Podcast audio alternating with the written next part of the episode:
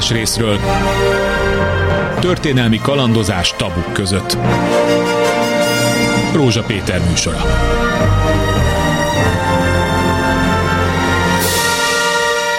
Jó napot kívánok, egy személyes történettel kezdem a mai műsor. 1989 a Magyar Televízióban dolgoztam, hát ugye legendás idők. Biztos sokan emlékeznek hallgatóink közül a pártiratok kimentésének történetére. Mi annak idején a televízióban a Napzárta című műsorban dolgoztuk egy fel. Jávor István operatőr kollégámmal ráakadtunk egy titkos szállítmányra, amikor a Bemtéri pártházból éjszaka hatalmas zsákokba csomagolva iratokat cipeltek, vittek át az akkori köztársaság téri MSZMP, illetve MSP székházába, másik részét pedig vitték Váci út, a Váci úti papír megsemmisítő daráló üzembe. Mi a nyomukba eredtünk, megállítottuk a sofőrt, a teherautó sofőrje, aki iszonyatosan meg volt ijedve, és azt mondta, hogy ne játszunk az ő életével, ő nagyon sok pénzt kapja ezért a szállítmányért, és hagyjuk béként. Mondtuk, hogy őt nem fogjuk mutatni. Elkezdtük kibontogatni a zsákokat, és teljes megdöbbenésünkre ilyen Hát ilyen tök semmit mondó dolgok voltak benne. Hangulatjelentés a cipőgyárból, a Goldberger üzem dolgozóinak hétvégi kirándulásának hangulatjelentése, hát meg ilyen őrülek. És akkor nagyon-nagyon csalódottak voltunk, hogy hát nem titkos ügynöki iratokra butlantunk, hanem a párt élet elmúlt több évtizedes adminisztratív nyomaira. És ezen akkor egy kicsit csodálkoztunk, aztán később természetesen, amikor a titkosszolgálati iratok lelepleződtek, illetve hát azoknak a sorsáról a nagy közönség értesült, akkor elkezdődött a közéletben egy diskurzus arról, hogy mi volt itt az elmúlt rezsimnek a, az ideológiai életében, stb. stb. És ahogy telik az idő, egyre differenciáltabb és egyre sokrétűbben látjuk a dolgot, és sok-sok közhely dől meg ezek közül a tabuk megdöntésének az egyik, egyik, egyik, egyik példánya vagy, vagy, vagy dokumentuma van most a kezemben, és itt van a dokumentum, a könyv szerzője, Huhák Heléna. Jó napot kívánok, elmondom a titulusát, az Ötvös Lóránt Kutató Hálózat Bölcsészet Tudományi Kutató Központjának Történet Tudományi Intézetének a munkatársa. Jól mondtam? Igen, köszönöm, jó napot kívánok, üdvözlöm a hallgatókat, Jó. és bocsánat a hosszú Ezért nem munkahelyére. Ön, ne, nem ön a felelős, hanem hogy a magyar kormány átalakítva a Magyar Tudományos Akadémia Így kutatóintézeti van. hálózatát új nevet is kapott, de történészként az Agitátorok című munkája azt fedi fel, hogy 1950, 48 és 53 közötti időszakban hogyan ment az gondolkodás átalakítása, hogyan ment az agyak megdolgozása, milyen párt agitációs ö, akciós sorozatot élt át az akkori magyar társadalom a második világháború és a holokauszt megrázkóztatása után, hogy ez az új kommunista vezetés milyen elhivatottsággal és milyen erővel próbálta az embereknek az agyát megdolgozni. És ez az agitátorok, ezek valóságos személyek voltak. Ugye én körülbelül ekkor születtem, 1953-ban, de azért még a gyerekkoromban visszaköszönnek ezek a kifejezések, amiket a dokumentumokban is vannak, hogy polgári elhajlás, hogy kispolgári nem tudom én micsoda, hogy hogyan kell a munkás osztály vezető hatalmát elfogadtatni a lakossággal, és hogyan kell mindenkit beállítani egy közös gondolkodásba, hogy mindenkinek a szocializmus fejlődését kell szolgálni. Most nagyon-nagyon gyorsan az elején summázzuk. Amit áttekintett ebben a néhány évnek a, a agitációs, politikai agitációs időszakában, és ön egy fiatal, nagyon fiatal kutató. Mi a véleménye? Volt ennek hatása, eredménye, vagy ö, hogyan összegezhetnénk, hogy az akkori magyar társadalom ez alatt a néhány év alatt ö, át lett gyurva? Ez egy nehéz kérdés, és ezt a kérdést a kutatásom elején is én is feltettem, hogy tulajdonképpen itt azt kellene megnézni, hogy igen, milyen hatásfokkal működött ez az agitációs hálózat.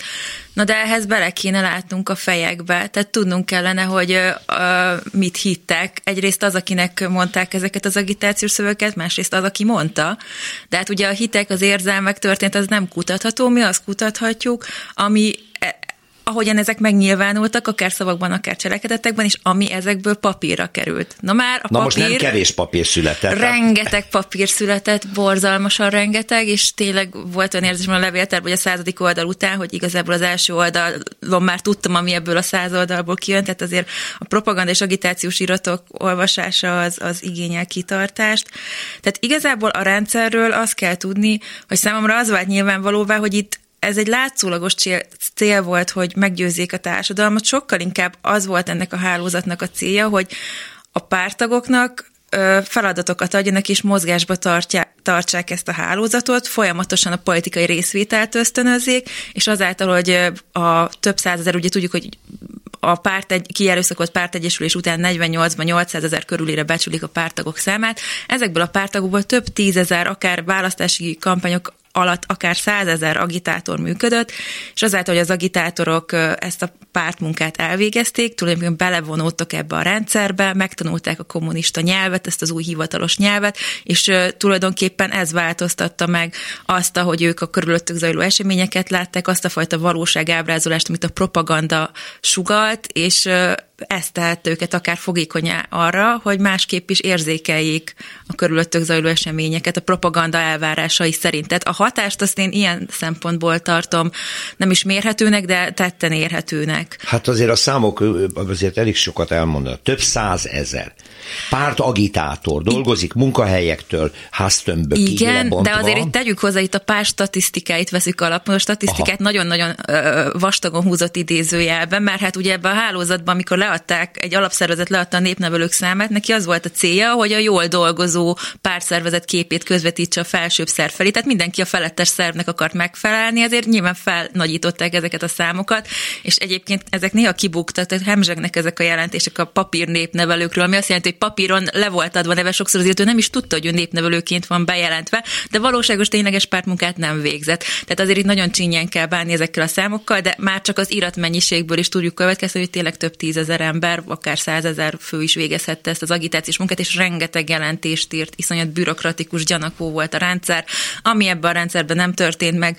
Tehát minden, tehát amiről nem született jelentés, az nem történt meg. Mindent Aha. le kellett írni. És ez, ez a mi szerencsénk, mert ugye az agitáció egy szóbeli műfaj, tehát igazából nem tudnánk erről képet alkotni, de mivel mindenről jelentést írottak, a jelentéseket összefoglalókat készítettek belőle, azokat aláhúzogattak, újabb kivonat, tehát iszonyat, tehát ez az egész egy iratgyárként működött ez az agitációs hálózat. Találta olyan dokumentumot, hogy ez a rettenetes mennyiségű jelentés, az agitátor leírta minden áldott héten, hogy kit hogyan győzött meg a szocializmus fels, felsőbbrendűségéről, stb. stb., hogy ezeket valaki elemezte, utána összefoglalta, és készültek ebből dokumentumok? Hogyne, hogyne, ez, ez hatalmas apparátus állt fel, ami volt, voltak olyan részlegei az agitprop hálózatnak, akiknek az volt a cég, hogy, vagy az volt a feladatuk, hogy aláhúzogatják ebbe a jelentésekbe a fontos pontokat. És akkor ezeket kivonatolták, tovább ment a rendszeren, ebből készültek a propaganda brosúrák, ez a sajtóban visszaköszönt. Tehát igazából használta ezt a ezt a rendszert a párt, mint egy ilyen történetgyártó,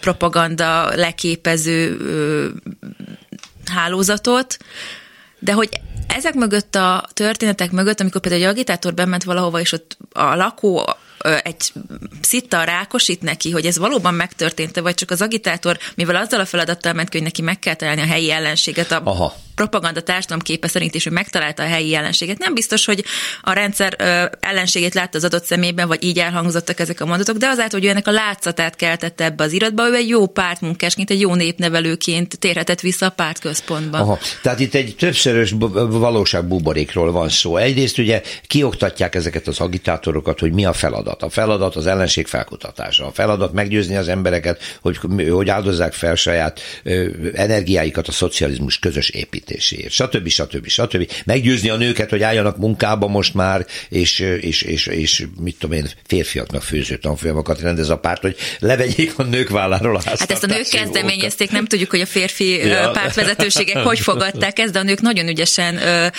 ez, erre próbált. Külön, jó, jó. ez egy nagyon érdekes fejezete az ön munkájának. Csak azt akartam mondani, hogy többszörös valóságbuborék jön létre. Tehát az agitátorok fejét megtömik ilyen célokkal, hogy felkutatni az ellenséget, meggyőzni az embereket, és a közös munkaszolgálatába állítani, ők ennek meg akarnak felelni, aztán ha, ha, ha sikerül, hanem a hangulatjelentésben leírják, hogy milyen eredménnyel jártak ezek Igen, szerint. tehát a rendszerbe abba azért tehát hajlamosak vagyunk leegyszerűsítve látni a, a, a, ezt a pártállami diktatúrát, sokszor úgy gondolkozunk, hogy volt az elnyomó pártállam, és volt az elnyomott társadalom, amely társadalom tagjai néha lázadtak, néha kollaboráltak, de valójában a, a diktatórikus rendszerekben valahogy élni is kellett. Az emberek élték a hétköznapi életeiket, amiben lehetett politikai ellenállás, mint motiváció, de lehettek teljesen politikán kívüli vágyak is, és ez ugyanígy igaz a rendszert működtető pártállamra is, ami ugye a társadalomban beágyazottan működött. Tehát igazából itt az egyéni érdekek, a, ez lehetett az elvárásoknak való megfelelés, de lehetett egészen más is. Ezek nagyon vastagon beépültek ennek a rendszernek a működésébe, és sokkal árnyaltabb kategóriákba kell gondolkoznunk, mint ellenálló áldozat. Tehát itt, itt nagyon sokféleképpen ö, lehetett élni ezeket a mindennapokat. Elmondhatjuk, hogy a többség tudathasadásban élt ebben az időszakban. Tudta, hogy van egy politikai elvárás, aminek meg kell felelni. Közben volt egy magánélete, ami egyáltalán nem korrelált mindig ezzel. De a kettősséget valahogy megtanulták megélni. De ennek rengeteg irodalmi példája van. Persze, meg a saját életünkre vonatkoztatjuk, hogy tudjuk azt, hogy a gyerekünket, nem tudom, isko- egyetemre akarjuk iratni, és tudjuk, hogy ahhoz az kell, hogy mi ezen a hivatalos nyelven, ami a korszakunkban a kommunista nyelv volt, ugye ezt úgy mondja, ezt a a speaking bolsevik, beszélj úgy, mint egy bolsevik, ezt a szovjetektől vettük át, hogyha ezen a nyelven fogalmazom meg én a kérvényemet a hivatalos szer felé, akkor az céltér. Akkor mit fogok tenni? ezen a nyelven fogok el beszélni, hogy Aha. a saját érdekeimet érvényesítsem, hogy én közben a, a mögött hitek, meggyőződések, vagy csupán érdekek működnek, Hát ez az, amit, amit csak sejthetünk. Kihámozható volt, hogy kik voltak azok az agitátorok, rengeteg jelentést olvasott el, akik tényleg meggyőződésesek voltak. És kik az, akik, hát akik meg csak a, csak a megfelelés. Hát ezt nem tudjuk, hogy ki volt meggyőződés, azt tudjuk, hogy ki teremtette meg ennek a látszatát nagyon meggyőzően. Aha. Ki adott le olyan jelentést, ami gyönyörűen visszamondta a brosúra szövegeket, ami nagyon ügyesen használta a kommunista nyelvet és forgatta, és tényleg olyan történeteket ö, ö, sikerült megírniuk, ami tökéletesen megfelelt a propaganda társadalom képének. Tehát ők azt tudjuk róluk, hogy ők megtanulták a kommunista nyelvet, alkalmazták és használták. Ez a hétköznapokban nyilván zajlott ilyen meglehetősen üres szólamokkal, hogy az ellenség a sorainkban van, meg stb. Igen, borzasztó. De amikor konkrét feladatot kapnak az agitátorok, és ennek ugye ez egyik legdurvább időszak a rajkper. Ott kiadták? Van nyoma, hogy több tízezer agitátornak az volt a dolga, hogy menjen, járjon munkahelyre, lakókörzetekbe, menjen be lakásokba. Hogyne. És győzze meg az embereket, hogy a rajkék az ellenség. Igen, tehát az agitátorhálózat úgy működött, hogy kampányokon alapult ez a működésmód. Milyen kampányok voltak, választási kampány, ennek érezhetjük jótékony hatásait. Voltak az éppen aktuális ellen meghirdetett gyűlöletkampányok. Gyűlöletkampány. Hát, igen, ez, ennek is most mondanám, hogy nem akarok aktuálpolitikai párhuzamokat sejtetni, de igazából mindenkinek eszébe jut majd erről. Tehát voltak gyűlöletkampányok, békekampányok is voltak, tehát hogy itt, itt nagyon ér, ér, érzelemgazdag ez a, ez a propaganda szöveg is. Például a Rajkper kapcsán valóban az volt, hogy volt egy gyors talpaló, hát az agitátorok azok nem voltak ideológiai nagyon képzett pártmunkások, tehát nekik egy ilyen három-négy hetes pártszeminárium után annyiból állt a képzésük, hogy minden egyes házi agitáció előtt, amikor ugye ki kellett menni a családokhoz, megmondták, hogy na most igen, most az, az, az a cél, hogy itt a rajkper elítélését kell elérni a lakosság részéről,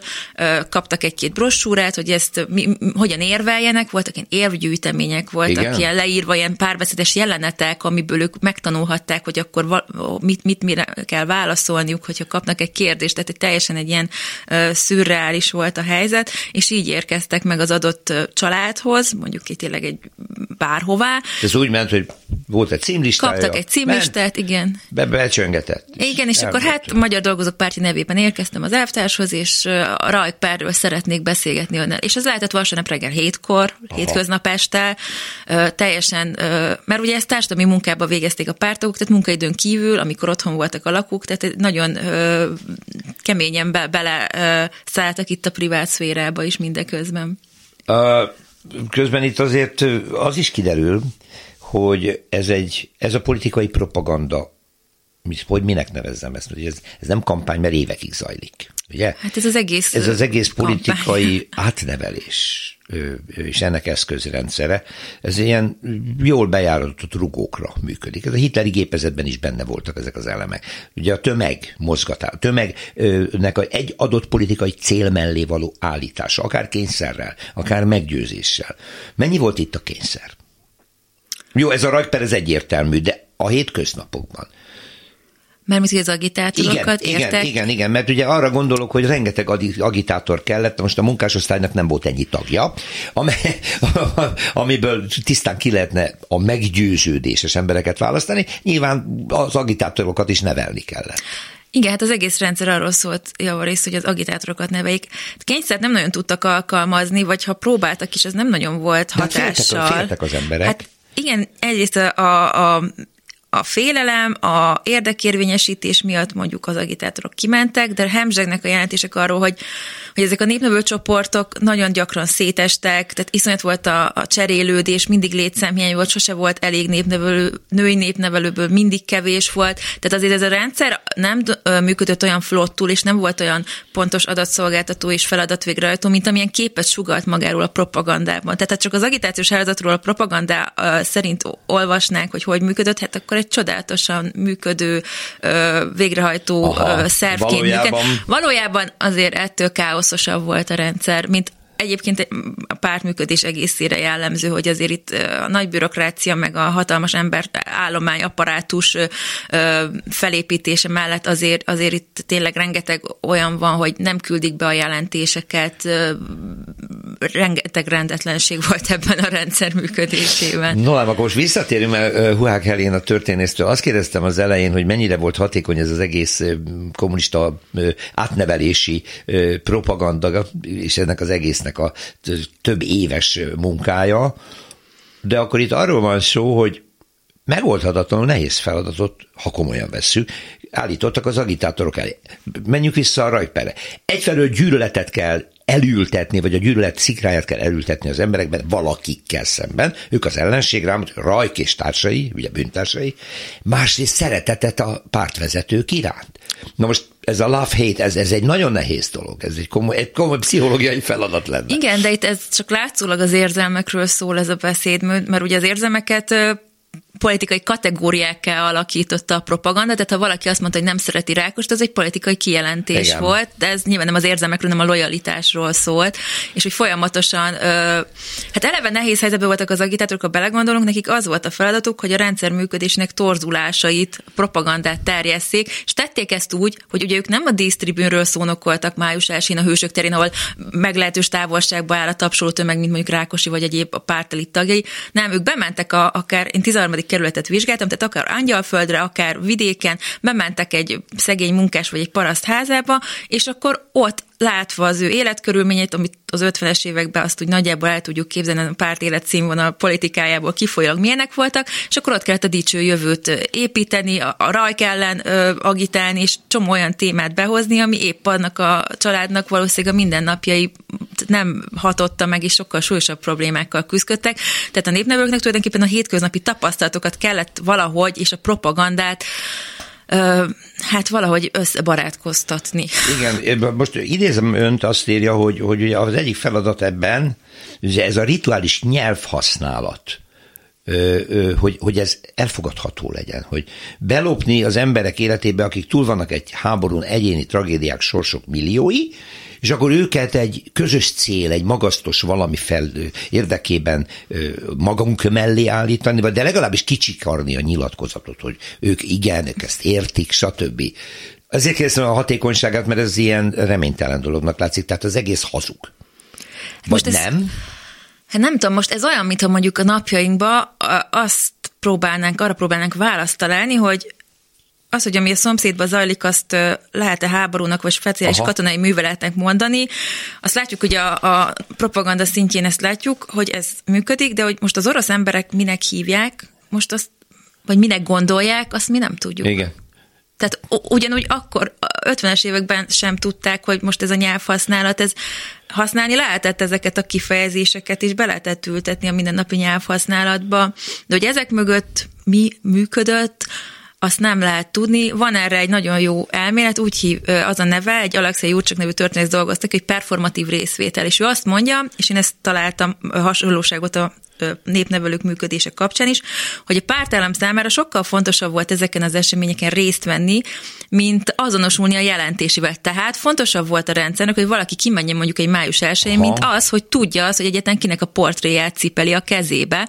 Tehát fontosabb volt ö, részt venni ezen politika eseményeknek a, a megvalósításában, ami a rendszernek ugye egy erős stabilitást, egy társadalmi támogatottság látszatát keltette, mint elköteleződni ezeknek a jelentése iránt. Uh-huh. Tehát nem lényegi és nem mélyreható a dolog, hanem egy formális megfelelést Igen. vár el a Igen. rendszer. Tapsoljatok nekem, és akkor rendben van. Igen, de ez nem jelenti azt, hogy ezek a cselekedetek mondjuk jelentés nélkülivé váltak volna, mert pont ez a fajta kiüresedés adott teret annak, hogy a, mondjuk valaki úgy menjen ki egy május elsőre, hogy totálisan más miatt megy ki, más a célja vele, mint amit maga az az ünnep szimbolizált. Tehát ide tudott beépülni szépen az egyéni érdekérvény, az egyéni elképzelések. Én viszem azt a portrét, a propaganda azt hiszi rólam, hogy én támogatója vagyok annak a, a pártvezérnek, holott én azért megyek ki, mert hogy a gyár, ami szervezte ezt a felvonulást, akkor meglátja a főnök, hogy ott vagyok, és én jobb pozícióban, meg egyéb okokból. Igen. És ez a kettő ezt megfért egymás mellett, mert az, a végeredmény az volt, hogy kim voltam a felvonuláson. De az igazi cél az, hogy utána a felvonulás után egy kis virsli, meg egy kis sör mellett Hát arról nem is beszélve. Igen. És akkor az az igazi, igen, már igen, a mi privát igen. élményünk, a többinek megfeleltünk,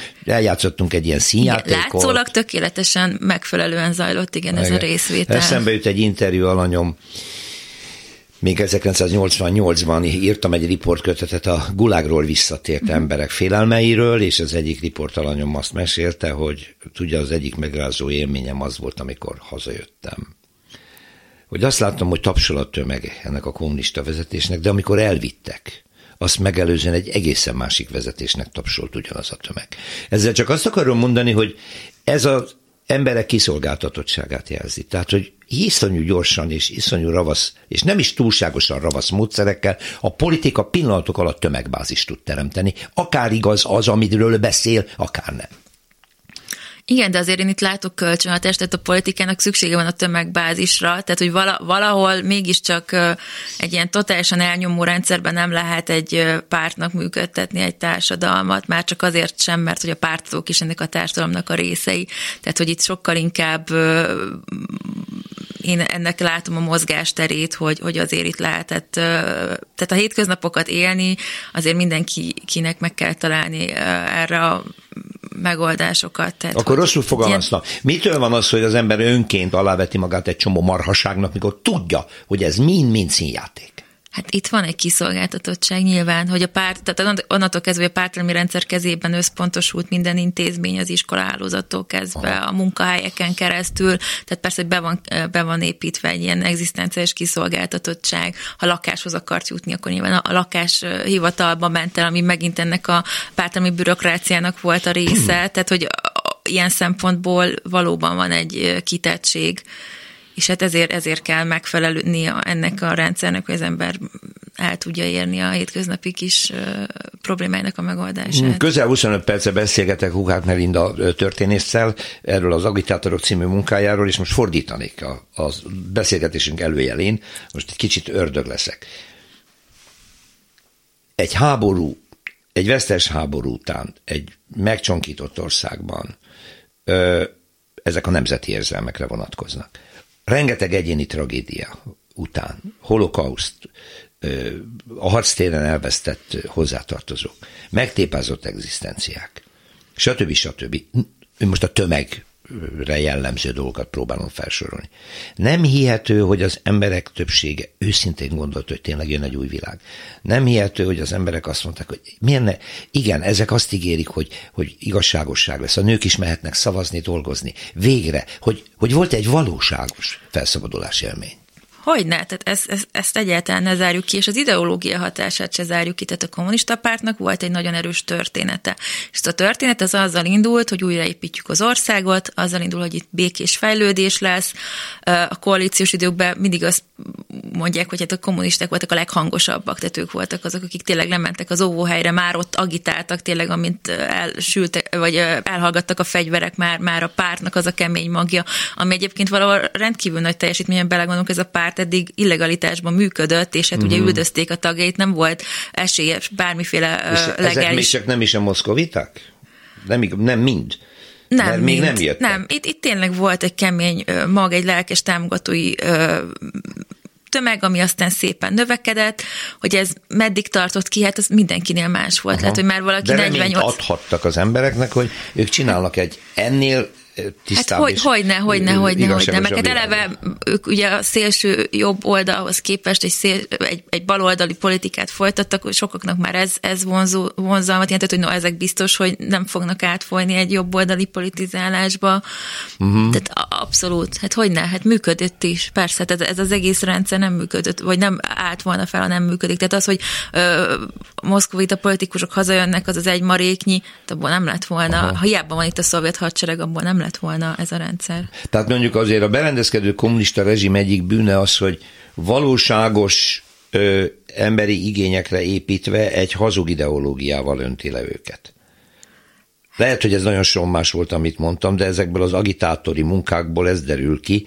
Sokszor ők se hiszik ezt komolyan, amiről beszélnek, hogy a kommunizmus az majd elhozza az egyenlőséget, meg nem tudom micsodát, amiben konkrétak aztán az ellenségkép. Ugye ott vannak a fasiszták, ott van a, a nyilas múlt, könnyű rámutatni, és nagyon helyesen, valóban ott vannak a kisnyilasok közöttünk, ha úgy tetszik, tehát ez eddig reális. De amit aztán elkezdenek ráépíteni, ugye az már az a léggömb, ez a nagy, ami csak azt szolgálja, hogy egy vezér, egy párt.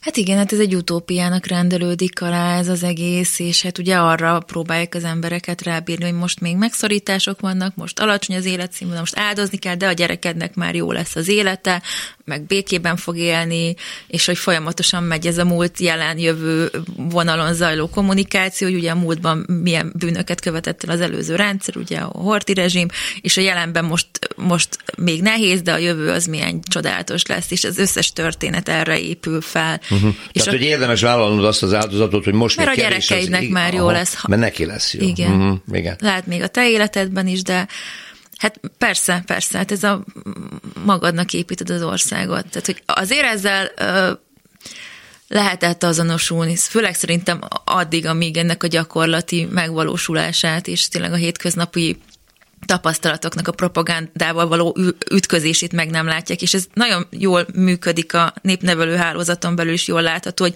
ott már 51-52-ben nagyon kezdenek szétesni ezek a csoportok, tehát már 53 a Nagy Imre féle fordulat előtt, és ez egyébként a, a Koltai Gábor egyik kollégám kutatásokból is kiderül, hogy a pártfegyelmi eljárásokban nagyon sok ö, olyan kitétel van, hogy elhanyagolja a párt életet az illető ah, pártag. És jön a fegyelmi? Igen, jön a fegyelmi, stb. És hogy ez, ez, ezt én, az én meglátásom szerint ez mind arra vezethető vissza, hogy az emberek egyre jobban kezdtek kiábrándulni ebből a rendszerből, mert hát az ígéretek az egyre jobban eltávolodtak a, a, attól, amit ők ugye a hétköznapokban tapasztaltak, és hát már egyre nehezebb volt arra rávenni az embereket, hogy olyan dolgot, dolog mellett agitáljanak, amiben ő maguk sem hisznek. És van ilyen népnevelő jelentés, hogy kimentek valaki, ez is történetesen ő is népnevelő volt, vagy agitátor volt, ezt ugye szinonimaként használtak a korszakban, és mondta, hogy hát igen, igen, ő is ezeket mondja, amiket ti mondtak nekem, de hát nem hiszik, de hát az a helyzet, hogy már én sem nagyon hiszem, hogy itt már lesz zsír a boltban, meg könnyebb lesz az életünk, mert hogy így egyáltalán nem hiszek ebbe. És hogy ezt így elmondták. Tehát, hogy azért repedezett ez belülről is ez a rendszer.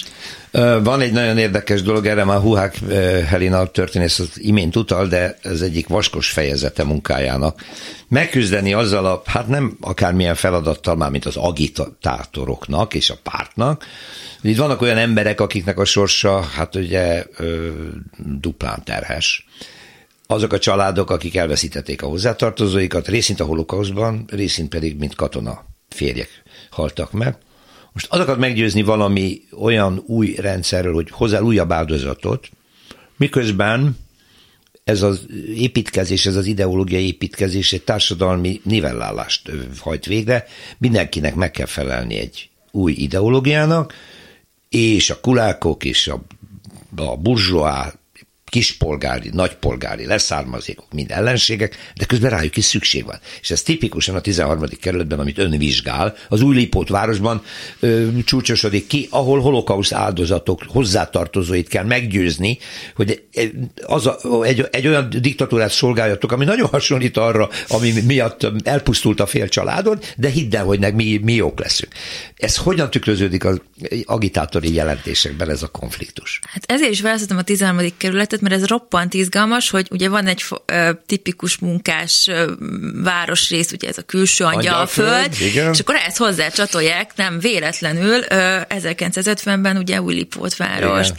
ami meg egy polgári értelmiségi, hagyományosan ö, zsidó származású ö, lakók lakta rész, és hát problémája van a pártnak, mert ugye meg, meg van adva felülről, hogy úgy kell egy pártszervezetet felépíteni, sok munkás legyen benne. De hát itt, itt nincs annyi munkás, nincs annyi uh, használható munkás.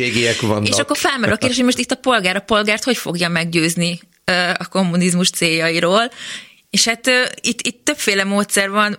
Egyrészt próbálják kozmetikázni az életrajzokat, tehát aki tényleg egy nagyon uh, elhivatott uh, kommunista pártag, de mondjuk polgári származék, vagy, vagy alkalmazottat tartó kiskereskedő volt, akkor a szemet kell hújni szemet kell hújni a, a, az ilyen ö, előzmények mögött, másrészt meg hát elkezdik nevelni ezeket a polgárokat, tehát nagyon szépen látszik, hogy, hogy, hogy, hogy, hogy, hogy ő nekik próbálják ezt a kommunista nyelvet megtanulni, ezt a kommunista gondolkodásmódot, hát nem tudnak más tenni, mint hogy, hogy ö, Hát igen, de ugye itt, itt le is van írva ez egy definíció, hogy összefoglalóan a kispolgári individualizmus fogalmát a kollektivizmus eszméjével kell szembeállítani.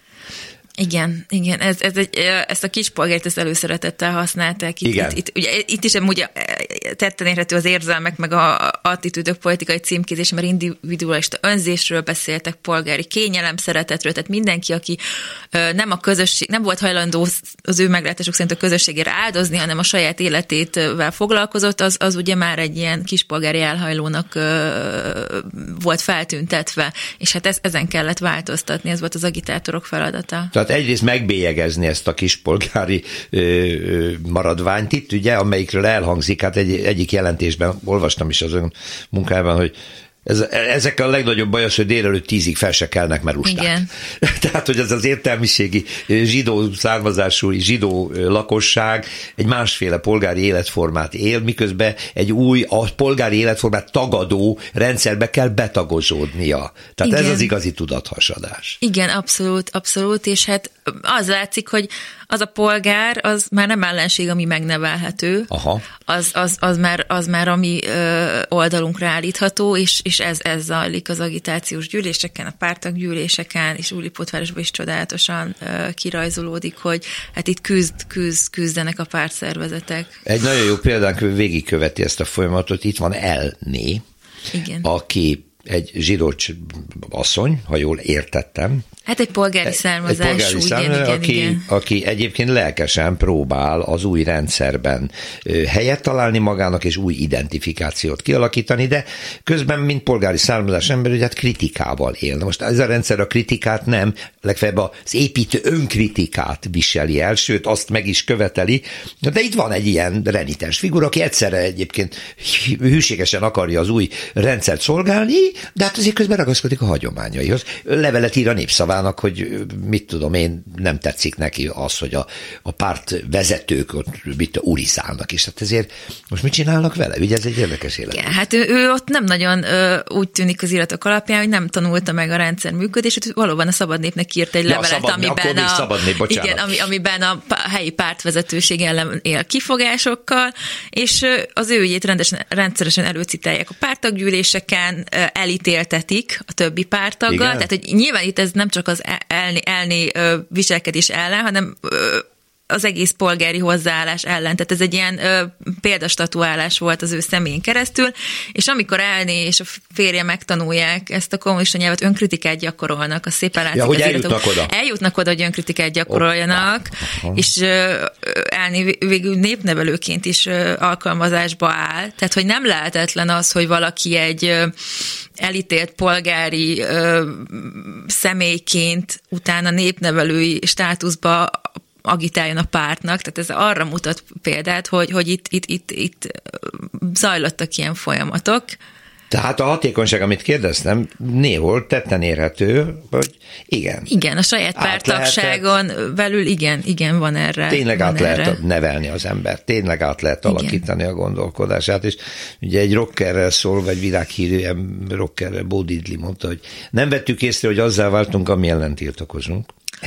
Ez itt is nagyon érvényes. Igen, ez, ez, ez csodálatosan látszik egyébként az egész propaganda működésen, hogy, hogy, hogy valami ilyesmi zajlott, igen. Külön vizsgálja azt, és ez engem részleteiben is érdekelne, ha már itt pláne az új lipotvárosi agitátorok munkáját is megnézte, hogy mit kezd ez a politikai rendszer, a kommunista vezetés azzal, ami, ami neki is kínos, a holokauszt emlékkel, a sárga csillag emlékével, ezeknek az embereknek az esetében, és a zsidósággal, a zsidókkal kerüli. Azt látom, meg tudom történelmi tapasztalatból, hogy ez a rendszer igyekszik elhallgatni ezt a történetet, neki, neki ez nem feldolgozható, ez kínos.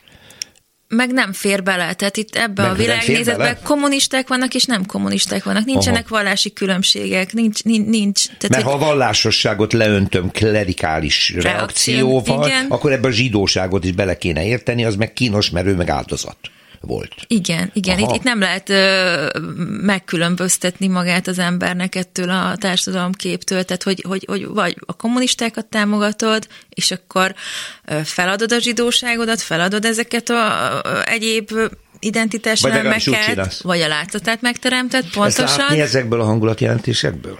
Visszaköszön? Igen, ez hmm. például amikor megalakul a, a NDK 49. októberében, a Német Demokratikus Köztársaság, akkor kimennek népnevelni az újlépótvárosiak közé, és leírják, hogy hát ugye itt most az volt a cél, hogy, hogy ezt a kelet-német államot támogassa a lakosság, és hogy tudjon különbséget tenni, és hát ezek a egykori deportáltak teljesen jogosan, az családi tragédiájuk alapján az egész német nép ellen van egy ellenérzésük, hát hogy ne lenne, és hogy nekik próbálják megmagyarázni, hogy, hogy hát, hogy igazából ez a Németország, ez nem az a Németország, és és egyébként a, a sárga csillagtól kezdve a gettósítást pedig teljesen felhasználják, mint ellenpólus, hogy pezzeg az előző rendszer ezt csinálta veletek, és hogy a kommunisták ettől fognak titeket megvédeni. No, tehát ez az érvrendszer alapja, hogy Igen. a meggyőzésnek, hogy igen, németek, de. Igen, igen, hogy, hogy ezek nem azok a németek, Aha. És hogy ezek ezek a németek szembenéztek a, a múltjukkal, és hogy igen, ezek a, vannak a jó és a rossz németek. Igen, igen. Az egy külön kérdés. Hát ez hogy- nagyon nehéz. Tehát itt tulajdonképpen van egy központosított szeretet vagy gyűlölet, tehát ezeket a németeket kell szeretni, a pártot kell szeretni, a pártellenséget gyűlölni kell, és amikor ez ütközik a, a, a, a kis gyűlöletekkel, vagy a kis ellenszenvekkel, a személyes tragédiákkal, ak- akkor az, az, az a cél, hogy akkor ezt a kettőt össze kell egyeztetni, és valahogy alárendelni a, a propagandának, ami természetesen nem az érzelmekről szólt, ez az érzelmeknek tényleg csak egy ilyen látszólagos felhasználása, de az érzelmek által lehet a politikai uh, attitűdöket megfogalmazni. Uh-huh. Hát, hogyha végig gondolom, hogy a zsidóság feladása, a zsidó tudat, a zsidó identitás egy, feladása kettő, elhallgatása, vagy a nyilvánosság elől elrejtése, ez hatékonyan működött.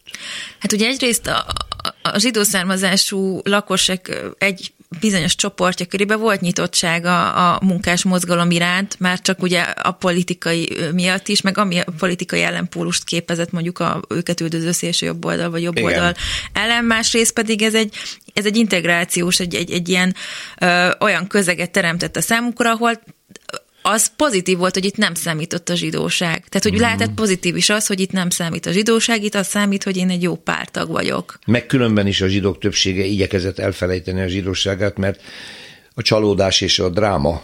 A, a, Hát ez a az asszimilációs drámája. ö, Igen. válság miatt, a, igen, igen. igen És igen. erre rá tud épülni ez a kommunista ide- ideológia. igen, ügyesen. igen, igen, igen. De azért igen, a jelentésekben előfordul ez, hogy leírják, hogy itt zsidókkal nehéz beszélni erről, vagy különösen így az NDK elfogadtatása. Hát igen, ez az egykori deportáltakban Így- így van, hogy- kiengedhetetlen gyűlöletén az egész német nép iránt, és nem tudják a legjobb agitátorunkat sem meggyőzni őket. Ez így igen, De az, hogy ez a előfordul. kispolgári elhajló közeg és a zsidó, ez megfeleltetik egymásnak a, a, a kommunisták ezekben a jelentésekben, vagy ezt kerülik? Nem, nem, nem. Ezt Tehát kerülik? ilyen, olyan, hogy zsidózás, olyan, olyan nincs. Nincs. Nincs, nincs, nincs, nincs, Nincs, nincs, nincs, nincs. csak legfeljebb rejtve marad. No, külön fejezet, és ez nagyon izgalmas, Huák Helena történész munkájában a nők meggyőzése. És a nőknek a kommunista rezsim melléállítása, a szeretett gyűlölet kampány közepette, a velük való bánás. Egyfelől emlékszünk a plakátokra, a Hoffer traktoron ülő munkásnő, vagy izé, meg, meg az öntődében dolgozó kendővel pöttyöskendővel a hajukban dolgozó, overába dolgozó női figurák, alakok, idol, idolok, stb. Hogy köszön ez vissza ezekben a jelentésekben? Mert ez egy külön feladat volt. Hát ugye a pártnak szüksége volt a nőkre, tehát igyekezett őket is bevonni a politikai munkába. A nőkről azt tartották, a propaganda azt tartotta, vagy a pártállami bürokrácia, hogy nehéz őket mozgósítani, közönösek, nem érdeklik őket a közügyek, csak a háztartás érdekli őket, vallásosak, nagyon gyakran vallásos, befolyásoltság alatt állnak. Ehhez képest a propaganda idill képében a, a kommunista nő az egyrészt megfelelt a tradíciós szerepének, tehát jó anya volt, jó feleség, termelő munkába állt, pöttyöskendőbe bement a gyárba, termelő munkába állt, és a politika aréna ajtaját is szélesre nyitották a nők előtt, lehetett menni politizálni, lehetett pártagnak lenni, agitátornak lenni, és ezt a férfiak és nők közötti egyenlőség bizonyítékaként hirdette a párt. Valójában, ha belegondolunk, ezekre a nőkre hatalmas teher hárult, tehát aki tényleg részt akart venni és élni akart ennek a politikai részvételnek a lehetőségével, annak rengetegféle szerepben kellett megfelelnie. Egyszerre. És a már idézett főzőtanfolyam egyébként egy nagyon jó példa rá, amikor ez egy olyan pártaggyűlés volt, vagy agitációs gyűlés, ahol a nők elkezdték mondani, hogy hát igen, hogy a Görögországban a szabadságharc, de hogy nekünk a Szovjetunió megadta a szabadságot is, hogy mi élhetünk vele, és mehetnénk tanulni a pártiskolára, és pártmunkát végezhetnénk, tehát annyi a házi munkánk, hogy ezért kérjük a pártot, hogy a férfiak részére indítson egy főzőtanfolyamat, hogy több időnk legyen. Szóval ez maguk a nők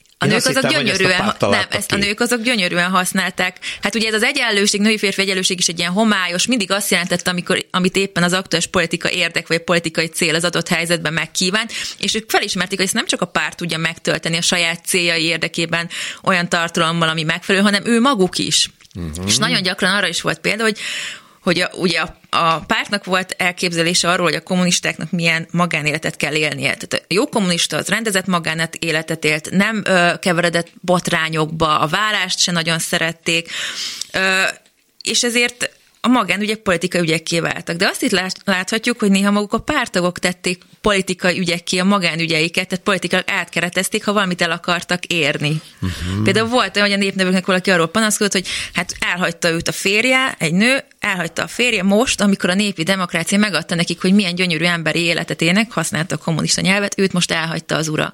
És ezt a népnevelőknek nyilván azért mondja hogy valami ráhatást fejtsenek ki, hogy visszatérjen hozzá a férje. Tehát, hogy gyönyörűen használják. Tehát itt is inkább azt látom, hogy ilyen kölcsönhatásokat kell figyelnünk. Ez ugyanaz, mint amikor panaszkodnak a népnevelőnek, hogy azért ott bíznak benne, hogy hát, ha majd továbbítja a megfelelő illetékes szervnek, hogyha én panaszkodok a lakhatási körülményeimre, és a népnevelők is észreveszik, hogy hát, ha ők egy-két ügyet megoldanak, akkor ezek eljönnek a gyűlésre, akkor ezek írnak a fali újságra.